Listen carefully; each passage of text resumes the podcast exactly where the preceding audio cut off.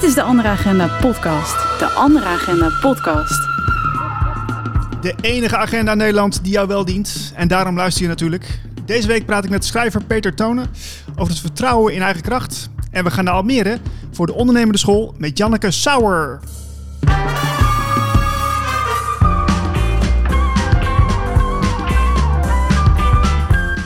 Ik begin deze week met Peter Tonen. Peter, welkom in de show. Hallo. Hallo Peter. Hallo Niels. Leuk je weer te spreken. Uh, je staat deze week in de krant, en dat vind ik altijd wel leuk om te lezen, over de geboorte van een nieuwe samenleving. En uh, je vertelt Mhm. dat er in 2020, mede dankzij de coronamaatregelen, een soort ondergrondse beweging is ontstaan in Nederland.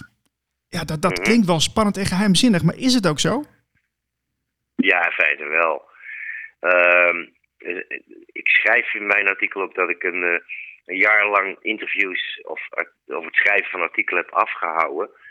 Omdat eh, uiteindelijk is die hele een beetje. Kijk, er zijn natuurlijk al, al jaren mensen bezig met te kijken of er niet alternatieven zijn voor onze manier van onderwijs, landbouw, eh, ons, ons, ons hele politieke systeem, ons geldsysteem.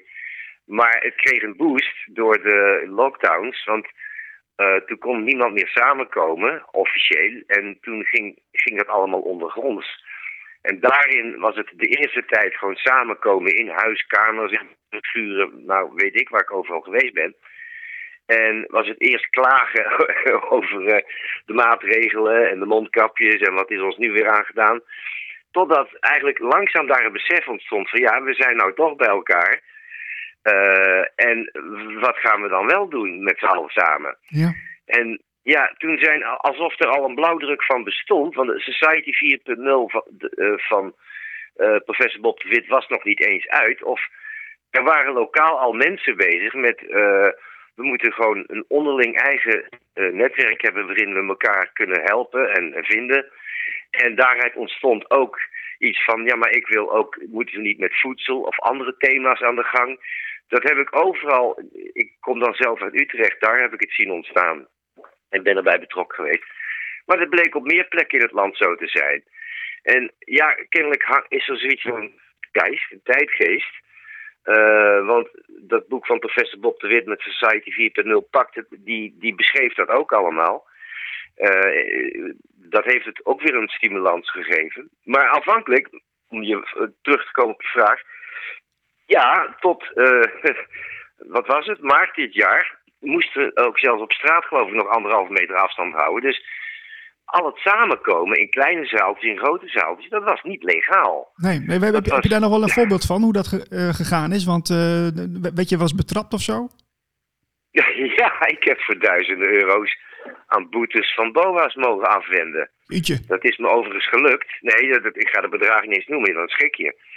Eh, nee, er is. Dat, en wij moesten. Dat, eh, dat heb ik niet vermeld, ook in mijn artikel. Maar we zijn daardoor ook aan de gang gegaan met kerkgenootschappen. En met allerlei middelen om toch maar.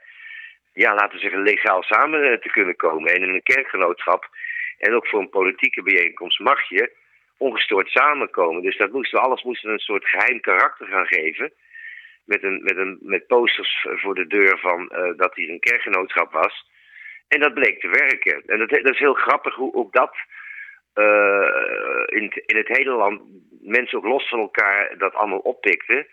En uiteindelijk zijn we dat ook gaan coördineren. eh, zodat, zodat er geen, ja, geen honderden kerkgenootschappen in één keer ontstonden. Wat overigens wel een beetje gebeurd is. dus eh, ja, dat- dat- snap je maar als mij dan gevraagd werd eh, door de media van, nou, ga daar maar over, kun je erover vertellen? Ja, eh, met name dezelfde mainstream media die mij, eh, dat is de paradox, zo van, ja, ik wil graag vertellen wat er bezig is. En dat ze komen filmen bijvoorbeeld, ja, dankzij jullie wil ik, kan ik niet toestaan dat hier gefilmd wordt. Weet je wel, dus dat gaan we niet doen. Het is gewoon ondergronds juist. Onder meer eh, ja, doordat de overheid verbiedt dat überhaupt samenkomen. Ja, ja En- dat, en- was mijn volgende vraag eigenlijk. Want je bent natuurlijk flink actief geweest de laatste jaren in veel samenkomsten van groepen. En v- veel mensen Uh-huh. kennen jou ook da- daarvan, maar je was daarvoor ook bekend vanwege je werk als schrijver over de, de Maya-kalender. En, uh, Ja. Maar je, je, hebt dus, je wilde dus niet commentaar geven voor de pers van de mainstream media. Nou ja, nee, ja, kijk, nee, nee dat, wat ik net vertelde, de paradox is het, dat het diezelfde mainstream media, door, dankzij diezelfde mainstream media, kon ik ze niet te woord staan, omdat zij, mm, ik voelde me gedwongen alles ondergronds en in het geheim te doen. Wel, ze hebben ook, uh, Niels, jij zit ook bij de uh, Vereniging voor Vrije Journalisten. Mm -hmm. Je hebt zelf meegemaakt hoe we ook in het geheim moesten samenkomen. En ook dat wilde de VARA en, en BNN en zo wilden dat uh, filmen. En uh, mogen we een keer een vergadering bijhouden? Nee, heb ik ook toen nee moeten zeggen. Mm -hmm. ik, bedoel, ik kan het er nu met jou aan de telefoon over hebben. Uh, het is ook nu pas voor het eerst dat ik erover vertel. Maar we hebben, is in feite was het een soort ondergrondse beweging waar we aanvankelijk mee bezig waren. En dat kan ook nog steeds terugkeren als straks weer, als ze verzinnen dat er weer QR-codes moeten komen om ergens, laten we zeggen, sociaal elkaar in het echt te ontmoeten. Uh, ja, dan ben je weer net zo ver. Dus ja. Uh, ja, ja dat, dat, dat, dat, is ook zo natuurlijk. Ik was even benieuwd ook van, uh, je hebt dus veel mensen zien samenkomen in allerlei groepen, uh, verspreid over Nederland hè. ja, ja. Wat, wat deelden die mensen nou samen? Wat deelden of wat wilden? Ik versta je niet, sorry. Wat deelden die mensen samen? Waar, waarom kwamen ze samen? Um, ja, nou eigenlijk... Um, ja, dat is een goede. Kijk, wat ik heb gezien is dat, ook dat heb ik niet in het artikel geschreven, is dat aanvankelijk ontstonden er allerlei Telegram groepen. Dus er ontstonden uh, social media groepen waarin gelijkstemden elkaar uh, via, via Twitter-accounts en weet ik veel, elkaar vonden. In eigenlijk in hun ja, afkeer van het beleid of in het. Nou, en daaruit ontstond ook de behoefte om uh, ook fysiek elkaar te ontmoeten. Ja, dat was een heel lang verhaal. Uh, daaruit zijn, ontstonden huiskamerbijeenkomsten door het hele land. Maar die telegramgroepen overal in het land heb ik gezien. Daar, zaten soms honderden mensen, zaten nog steeds. Er zitten honderden mensen in en die kregen ook de behoefte om met een grote groep samen te komen. En, uit, en fysiek te ontmoeten. En die kregen ook de behoefte over, en nu moeten we ook, oké, volgens mij hebben wij een behoefte, uh, zitten we hier met gelijkgestemden. Uh, misschien moeten we zelf een, een, soort eigen nieuwe maatschappij gaan creëren. Of, of daar, nou ja, zo, is dat, zo begonnen al die werkgroepen, heb ik gezien overal. En wat me opviel, en ik ben in het hele land geweest. ik, ik, ik heb werkelijk in iedere provincie heb ik lezingen mogen houden afgelopen jaar. Soms twee keer in de week. Zo. Wat me dan opviel, ja, wat me opviel is dat met name op het platteland men beter georganiseerd was als in de stad. En op het platteland kwam ik echt terecht in afgelegen boerenschuren tot met in, de kassengebieden ergens. In, nou ja, overal kwam je terecht. En dat ging allemaal heel geheimzinnig. Je moest soms je telefoon thuis houden en zo om niet getraceerd te kunnen worden. Maar er was een heel groot verschil. Uh, op het platteland was er veel minder, zo niet, geen gedonder met boa's en politie. Uh, alsof men daar, snap je? Ja, snap ik. Uh, ja, ja, ja. En als je nou eens even name, denkt, Peter, de afgelopen tijd, van uh, welke bijeenkomsten is jou nou meest bijgebleven op platteland? Dat vind ik, vind ik wel interessant. Uh, ja, meerdere eigenlijk. Wat me vooral opviel is dat er werd gevraagd van kun je een praatje komen houden? En dan kreeg je een adres en dan, dan kwam je ergens altijd buiten de bebouwde kom ergens terecht in een afgelegen boerderij. En dan kwam je zo'n zaal of zo'n hal of zo'n bedrijfshallen waren het ook vaak binnen. En dan zitten daar gewoon 150 mensen of zo, weet je wel. Zo. Uh, nee, dat wel, hè? En in, in, dorpen waar ik nog nooit van gehoord had. Dus het was wel een, een heel speciaal verschijnsel. Um, ja, nou ja, dus snap je dus. En wat me ook bijstond is, je begint dan te praten over. Ik begon mijn ervaring te delen met. Uh, uh, hoe je groepen opzet, lokale groepen. Uh, ik heb een achtergrond als andragoog. Ik heb andragogie gestudeerd. Dat is de studie waarin je groepen mensen helpt uh, ja, tot bij zichzelf te komen en zichzelf te, zelfredzaam te zijn. Mm -hmm. Dus het zit ook een beetje in mijn genen. Om, om met die, en ik had in het verleden ook al groepen opgezet die hiermee te maken hadden. Maar dan kom je in die zaaltjes. en dan ga je het in het begin hebben over praktische zaken van... Uh, hoe, je hoe je werkgroepen moet opzetten en hoe je, uh, wat de valkuilen zijn. Ehm, dus dat je de- moet zorgen dat de groepen niet te groot worden, want dan moet je ze opsplitsen. Iedereen moet elkaar veilig en vertrouwd leren kennen. Nou, dat soort zaken. En ehm, ja, wat verder dan opviel, is dat met name dan na de pauze, dan, dan werd er dieper doorgepraat over allerlei beweegredenen. En dan, viel me op dat het beho- behoorlijk spiritueel karakter kreeg. Dus dat het Oh. veel meer te maken had. Ja, bij al die groepen, tot ook. eh, snap je, er zaten vaak heel gelovige mensen tot en met mensen die, zich, die heel veel met, ook met spirituele zaken bezig zijn. En die, die ook het idee hadden van, ja, maar ze willen ook onze ziel hebben, weet je. Het gaat om onze geest. Ze willen robots van ons maken. En dan ze is dan alles wat van bovenaf wordt opgelegd. Ehm, en die heel erg geloofden in hun eigen autonomie, in soeverein zijn. En die zagen het ook als een soort ja, spirituele strijd, weet je. Dus geen politieke strijd, maar een, maar een meer spirituele strijd. Dat viel me... En dan, dan kon het alle kanten op gaan. Dan ging het hebben over eh, hoe wij in deze ja, eh, controle-matrix terecht zijn gekomen. En dan ging het ineens over de vierde dimensie en de vijfde dimensie. En dan krijg je dat soort gesprekken. Ja, ja, ja, ja. Ah, interessant hoor. Je, je, je, je, hoort ook wel eens vaak de term eh, parallele samenleving. Eh, hoe, Ja. lang, hoe lang blijft, blijft dit nog parallel, denk jij? Eh, of komt er snel een moment dat het samenvloeit?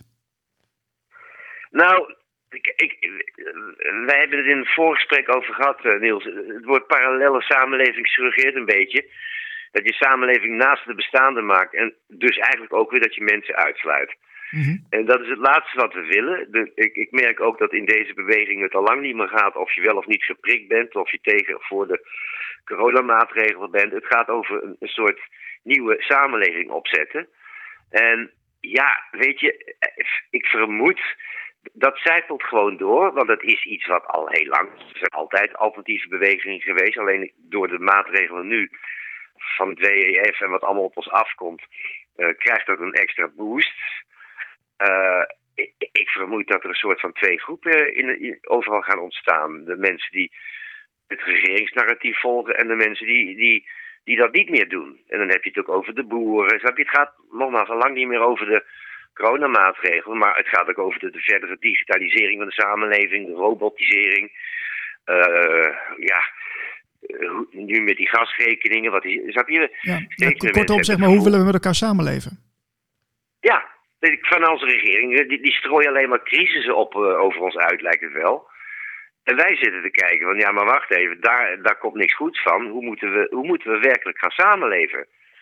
Ehm, ja, precies. Dus Ja. het, het gaat over nieuwe, nieuwe samenlevingsvormen, Ja. in feite. En waar, die niet autoritair zijn, die, die super democratisch zijn, waar mensen zelf eh, autonoom zijn, zelf beslissen over hoe ze aan hun voedsel komen en elkaar helpen. En dat niet de verzekeringsmaatschappij bepaalt, maar welk ziekenhuis je mag. Eh, maar dat jij ook bepaalt dat je ook eh, betaalt naar een alternatieve genezer kunt gaan wanneer dat nodig is. Of al dat soort zaken. En ehm, ja. Ja, en de- ook, deze week, Peter, schrijf je over het vertrouwen in eigen kracht in de andere krant. En Ja. jij bent ook met een boek bezig, hè? Nou, ik, ben, er zijn twee dingen.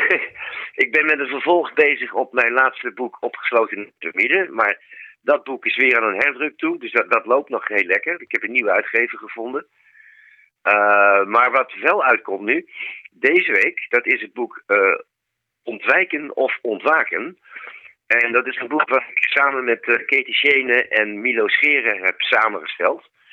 Waarin we een dertigtal mensen hebben gevraagd hun verhaal te vertellen over ja, hoe ze zijn wakker geworden, is een stom woord, maar hoe ze erachter kwamen, er klopt iets niet in deze samenleving. Ja. En voor veel mensen is dat geweest in de coronatijd, maar eh, toen zijn we gaan doorvragen, we hebben de vraag breder getrokken, van wat zijn voor jou überhaupt de momenten geweest ja, van wakker worden, van bewustzijn van, eh van hey, er klopt iets niet in, de, in deze wereld. En het zijn hele mooie persoonlijke verhalen geworden. Eh, het zijn mensen die, die, die enige bekendheid hebben gekregen doordat ze opvielen door hun uitspraken die tegen het eh, ja, narratief van de regering ingingen in de coronatijd. Maar het zijn ook ehm, het zijn, het zijn dus artsen, het zijn therapeuten. eh, Wie, wie staat erin, wat. Peter? Kun je een paar namen noemen? Ehm, nou, we hebben, geen, we hebben geen, niet de, geen Willem Engel en, en dat soort types. En, en, of, Ja, eh, wat is een bekende... Ja, Robert Bridgman is een bekend iemand. eh, Brian Roy, de voetbal, voetballer. Oh ja. Eh, we hadden... kijken, Pieter Stuurman is bekend omdat hij ook voor de andere kant, krant schrijft. Pieter Stuurman, die ken ik niet hoor. Daar heb ik nooit van gehoord. die schrijft ook voor de. die, die is een collega bij mij bij, bij, eh, bij Weltspets en bij de andere kant inmiddels. Eh, ook Willem R. Nee, die ook voor de andere kant schrijft trouwens. Die heeft ook een stuk geschreven. Ehm, ja, eh, wie hebben we nog meer? Ehm, Roy Martina kunnen mensen kennen. Oh ja. ja. Maar verder zijn het ook ehm, ja, Brecht Arnaar, die is inmiddels bekend geworden. Dankzij zijn eh, podcast. Het zijn mensen uit Vla- Vlaanderen en Nederland. En ja, ik, de helft is verder denk ik niet bekend dan eh, in eigen kring. Het zijn soms mensen die, die wel volgers hebben op Instagram. eh, op, op allerlei onderwerpen. Ehm, of die eh, in het tijdelijk in het nieuws zijn gekomen omdat ze als, bijvoorbeeld als huisarts een standpunt innamen tegen de coronamaatregelen. Eh, maar het, het, het, snap je, de helft is denk ik bekend van de mensen en de andere helft zal voor veel mensen eh, zal onbekend zijn. Ah, oké, oké. Eh, Ja, en Ja. ja. deze week heb je dus een artikel in de andere krant. Maar volgende week komt er nog eentje als het goed is. Wat, wat kunnen we Ja. daarvan verwachten? Nou, ik, ik zit even te kijken. Ik, ik was bezig met een vervolg op mijn eerste artikel van afgelopen week. Maar er, staat, er is nu in de, in de afgelopen. In deze krant dus staat nu zoveel over de nieuwe samenleving.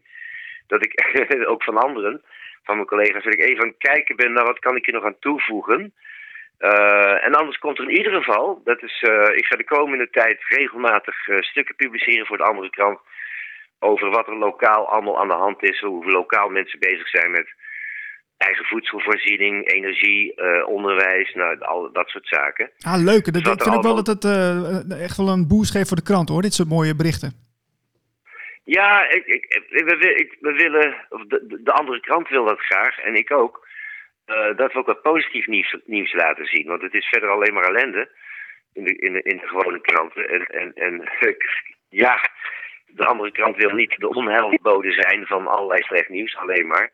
Dus de andere kant wil ook gewoon dat, daar een beetje balans in brengen van jongens, er gebeuren ook hele mooie dingen. En ik hoop daar een bijdrage in te leveren met artikelen over wat er allemaal lokaal, op lokaal niveau her en der aan de hand is. Dus ik ga wat mensen interviewen. En daar wil ik regelmatig eh, stukjes over schrijven. Leuk. Peter, we wensen je heel veel succes. En we gaan je volgen in de, de nieuwe edities van de andere krant. Ja. Oké, leuk. En eh, wij gaan verder met, eh, met Janneke Sauer, want we gaan naar de ondernemende school. De Andere Agenda podcast. We gaan het zelf doen. We gaan het lekker zelf doen. Ja, we gaan het zelf doen in Almere. En ik ben vandaag eh, te gast bij eh, Janneke Sauer. En eh, ik kom hier aan in Almere, Janneke. En ik zie hier toch echt wel een mooie omgeving. Ik vind het echt wel bijzonder. Dat is het ook. Ja, ja je bent hier in Almere Oosterwold. En ja, je hoorde net in de jingle, we gaan het zelf doen. Almere Oosterwold, dat is de plek waar mensen, nou in ieder geval, het zelf moeten doen. Ja.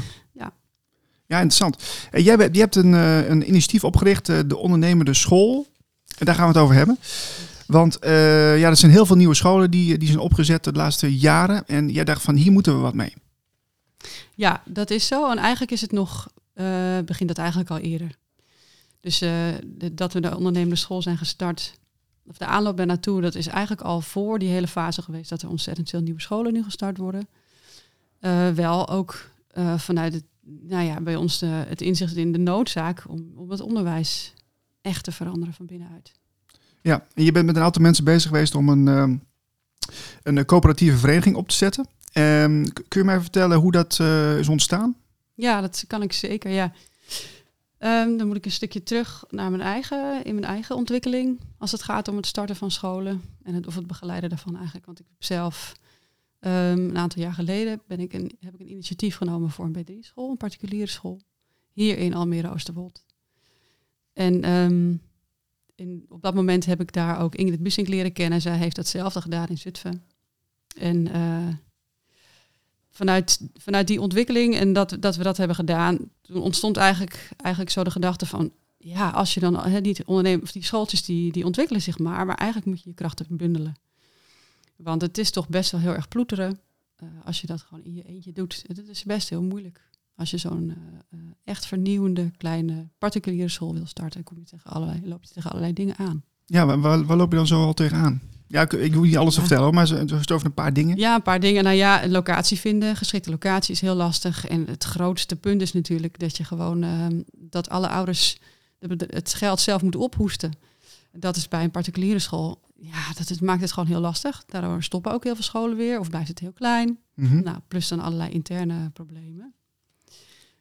Ja, dat was eigenlijk zo de reden dat we toen dachten... oké, we moeten een coöperatie starten, eigenlijk voor die B3-scholen. En dat heeft zich later getransformeerd naar Ja. een coöperatie voor van ondernemende scholen. Ja, en nu, nu, nu begreep ik ook dat er dus een nieuwe wet is aangenomen. Het is eh, de wet meer ruimte voor nieuwe scholen. Nou, eh, duidelijker kan het niet volgens mij. Eh, maar dat is, dat is fantastisch nieuws, toch? Of niet? Dat is ook fantastisch. Ja, ja dat maakt het in ieder op zijn minst. Het is niet makkelijk. Nee. Er zijn heus wel haken en ogen, maar dat maakt het op zijn minst makkelijker om als je zelf een bekostigde overheidsschool of door de overheid bekostigde school wil starten. Ja, dan kan je daar gewoon eens initiatief voor nemen. En dan moet je wel ehm, belangstelling m- ophalen eigenlijk. Dus je moet laten aantonen dat mensen jouw school ook echt willen. Maar dat kan wel, dat kon voorheen niet. Oké. En eh, dan heb je wat meer financiële ruimte. Maar waar, waar moet ik dan aan denken? Is, kun je iets over zeggen? Of, of ben je er niet zo in thuis? Ja, ik kan wel daar iets over zeggen, zeker.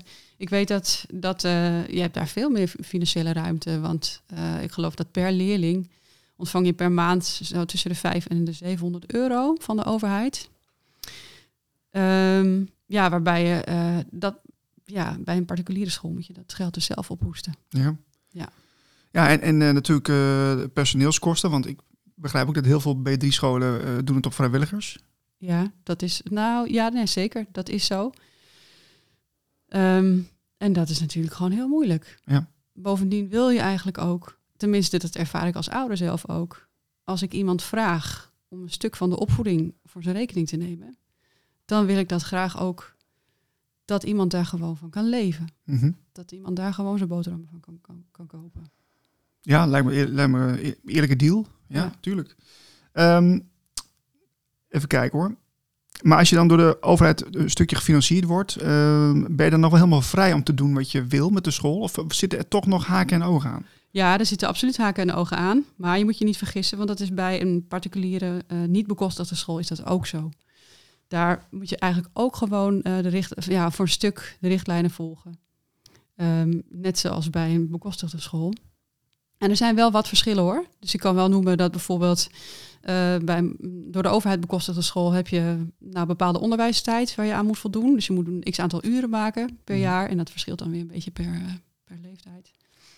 Daar ben je, dat hoef je niet als je een B3-school bent. Oké. En zo gaat het ook. Zijn er ook wel een aantal verplichte toetsen die je wel moet doen als je uh, uh, bekostigde school bent. En dat hoeft ook niet op het moment dat je een particuliere school bent. Maar hoe je dan weer met die toetsen omgaat, uh, dat staat je vrij voor een heel groot stuk. Ja, kijk, dat, dat is wel een, vaak een dingetje. Want ik, ik, ik hoor veel mensen ook, uh, die, die zijn toch een beetje op tegen op, op toetsen, überhaupt. Ja, nou, dat snap ik ook. Uh, en, en, ja, en wat zijn er dan, wat zijn er dan vormen die dat ze kunnen, zouden kunnen vervangen? Ik, ik denk, uh, nou ja, het, allerbelangrijkste is denk ik.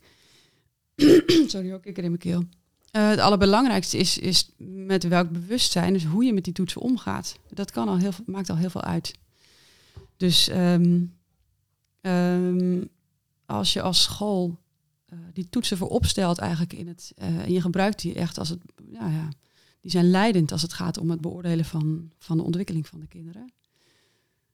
Nou, dan, daar, daar heb ik zelf ook veel op tegen, zeg maar. Dat is, hè, maar je kan daar ook heel anders mee omgaan. En je kan zeggen, oké, nou ja, uh, deze toetsen moeten, moeten we doen. Het is op zich ook niet per se verkeerd om soms als een leerkracht wil weten waar, waar zijn leerlingen staan, om dan iets te toetsen.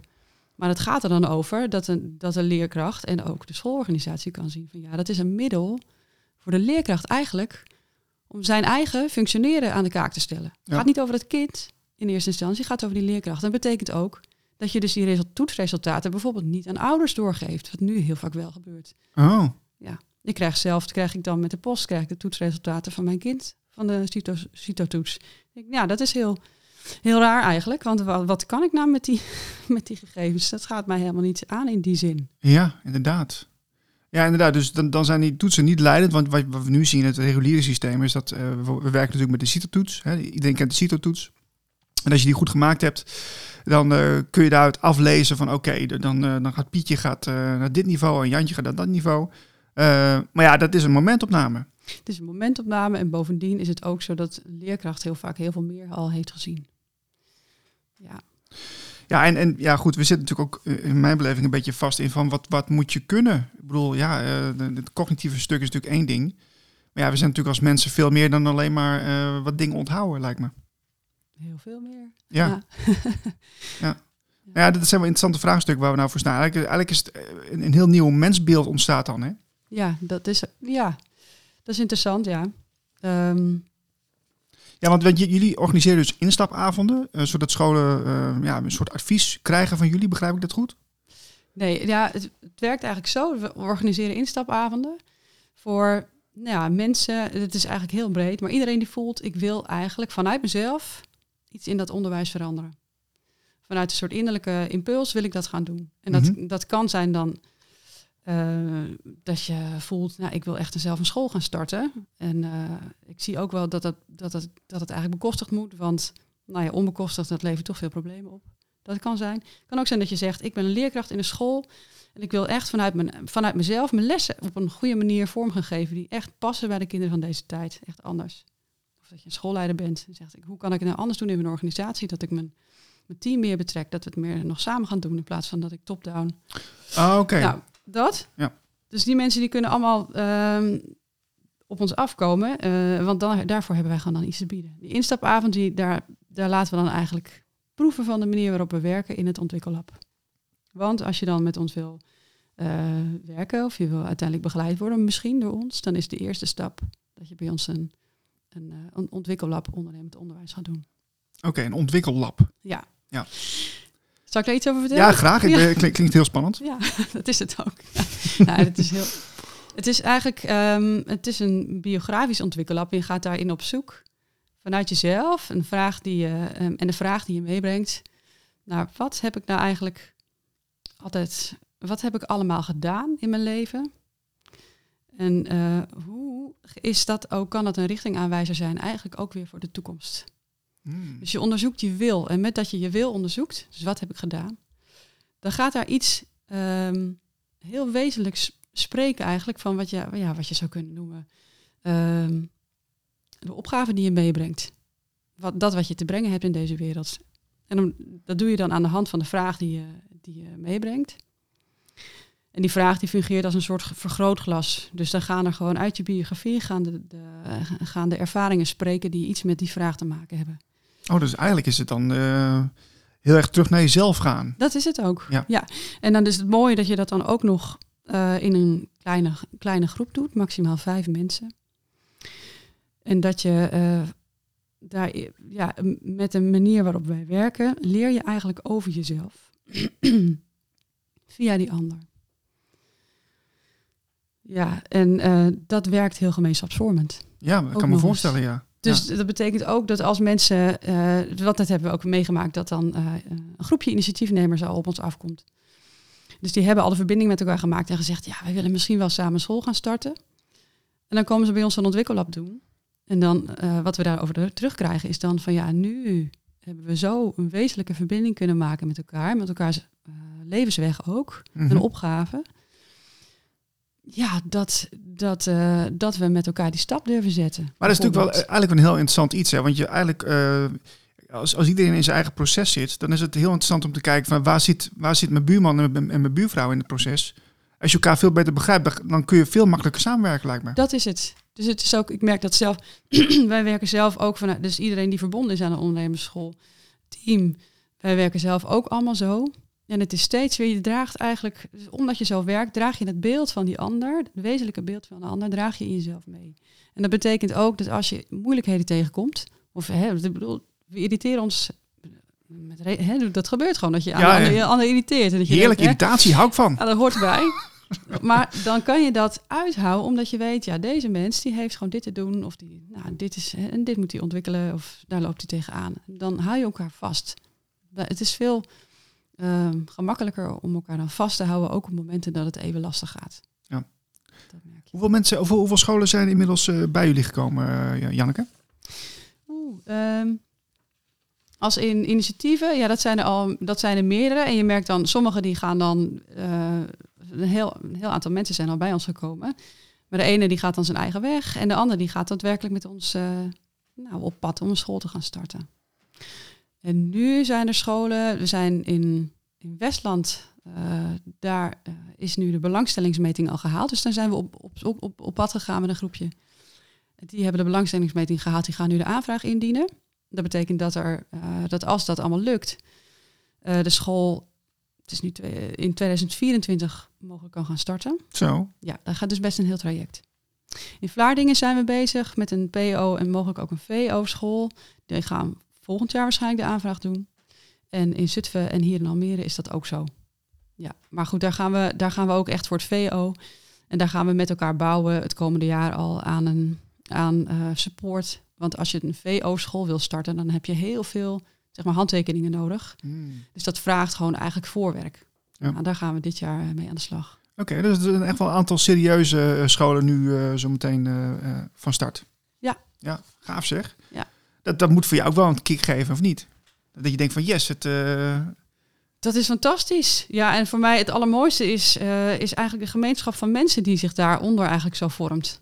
Dat is, ehm, ja, dat is heel, omdat daar, daar leeft iets in die gemeenschap en dat daar groeit iets. Dat gaat over medemenselijkheid en dat gaat ook over en verbondenheid. En dat is een soort eh, hele krachtige ja, liefdestroom, zo ervaar ik dat. ja. ja, maar ik kan me ook zo voorstellen als, als, dat, eh, als het steeds meer mensen lukt om inderdaad die kern in zichzelf te vinden en samen die ver- verbinding te hebben om, om, iets, om, om, om zoiets op te zetten, een school of een ander initiatief, geeft het toch veel meer voldoening dan dat je iets opgelegd krijgt en dan ga je het maar uitvoeren omdat het zo hoort. Dat is fantastisch, want je gaat vanuit jezelf ga je werken. Ja. En dat is uiteindelijk wat iedereen wil, denk ik. Denk ook.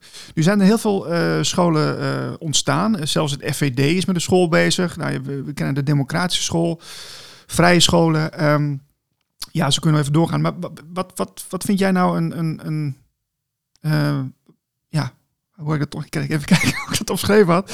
Wat, is, dat- wat geeft jouw voorkeur nou voor, voor, voor, eh, voor scholen? Wat, wat zeg je nou? Dat, zou, dat vind ik nou echt een goede school, of een mooie school die is eh, ontstaan.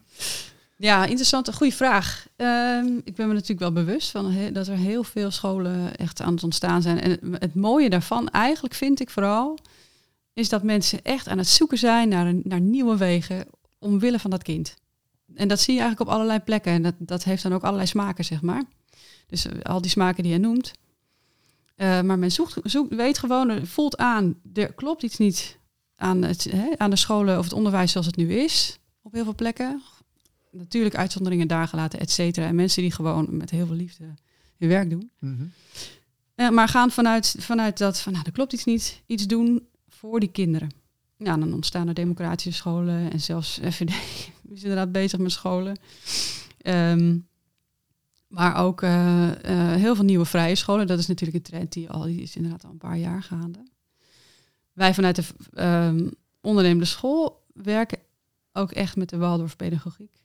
Eh, dus dat heeft gewoon wel mijn grote voorkeur, omdat ik voel, of dat ik eigenlijk zie in die Waldorfpedagogiek, daar wordt gewoon het meest precies en heel gedetailleerd en heel erg uitgewerkt ehm, eh, het onderwijs on- gemaakt vanuit een geestelijk mensbeeld eigenlijk, vanuit het idee dat een mens meer is dan alleen maar zijn lijf en materie. Ja, is, is dat de, de, de kern of, of kun je dat misschien nog iets beter uitleggen waar, waar de Waldorf-pedagogiek voor staat? Nou, dat is eigenlijk wel, dat is de kern. Oké. Dat het daar vanuit ge- en dat eigenlijk dus vanuit de visie dat een mens is een geestelijk wezen, incarneert op aarde. En eh, heeft hier eh, iets te doen, iets komt hier iets brengen en heeft ook iets te leren. Eh, en vanuit daar wordt er dus heel, heel precies gekeken naar alle leeftijdsfasen en, en ja, wa- wat een kind dan stapje voor stapje zich eigen maakt. En wat er ook nodig is, stapje voor stapje om dat kind te ondersteunen. Om, te, om dat te kunnen gaan doen wat hij, wat hij hier komt doen. Janneke, waarom vind jij nou zo belangrijk om, om dit te doen? Ja. Dat is een hele goede vraag. Ehm, ja, ik heb zelf. Nou, misschien kan ik daar dan iets vertellen over eh, hoe ik hier zelf op dit spoor ben gekomen. Ja. Ik heb zelf wel een hele vrije school doorlopen in Zaandam, in Amsterdam, bovenbouw. En ehm, zelf altijd ervaren, ik heb me daar echt wel gezien ge- gevoeld. Aha. Eh, eh, hè, ehm, maar wat ik daar, en ik heb daar een hele mooie weg, denk ik, kunnen lopen. Maar wat ik ook heb ervaren is van, hey, de manier waarop hier gekeken wordt naar kinderen. Hè, van een, is een, een wezen in ontwikkeling van geestelijke oorsprong. En dat wordt begeleid. Ja, maar hoe zit het dan eigenlijk met de docenten? Hoe maken die eigenlijk, kunnen die ook op diezelfde manier naar elkaar kijken? En eh, ja, kan daar een, een wezenlijke eh, samenwerking ontstaan vanuit dat beeld. En dat heb ik eigenlijk gemist. Eh, en dat is mijn mot- motief geworden om ja, aan de slag te gaan in het onderwijs. Ik heb op een gegeven scriptie, humanistiek gestudeerd, scriptie geschreven over het onderwijs. En ook eh, daarin, en, en er is een nieuwe school gestart. En mijn motief was er altijd in, hoe ga je nou zo werken met elkaar, dat je hè, die manier van kijken van die ander is echt een, is een geestelijk wezen in ontwikkeling, mensen in ontwikkeling, dat je dat wezenlijk verankert in je organisatie.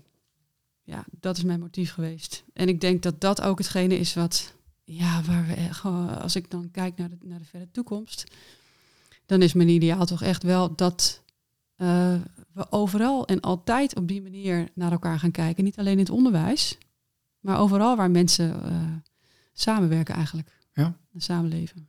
Mooi, interessant. Ehm, tot slot, eh er luisteren ongetwijfeld mensen die deze podcast die denken van ja, eh, zo'n instapavond in Alm- Almere lijkt me heel leuk. Eh, waar moeten ze zich aanmelden? Ja, dat mag bij mij. Eh Janneke.sauer.deondernemerenschool.nl Eh, ja, en nogmaals, in het ontwikkellab, of- of op die instapavond, ga je eigenlijk proeven van ja, hoe je nou concreet dus kan werken aan wat ik eigenlijk net beschrijf. Hoe je nou concreet kan werken aan dat werken van mens tot mens. Hoe je dat kan doen. Want dat is ook de manier waarop we die ondernemersscholen eh, begeleiden. Gaaf. Eh, de ondernemende school, eh, mooi initiatief. Janneke, dank voor je tijd. Dankjewel. De Andere Agenda podcast. We gaan het lekker zelf doen. Volgende week zijn we weer met een nieuwe editie van de Andere Agenda podcast. En wil je nou ook in de krant met aandacht voor jouw workshop, lezing of initiatief? Meld je dan aan via agenda.deanderekrant.nl en volg ons ook op Twitter, Instagram en Facebook. Tot volgende week. Wil je meer van de andere krant? Kijk op anderekrant.nl. Kijk op deanderekrant.nl.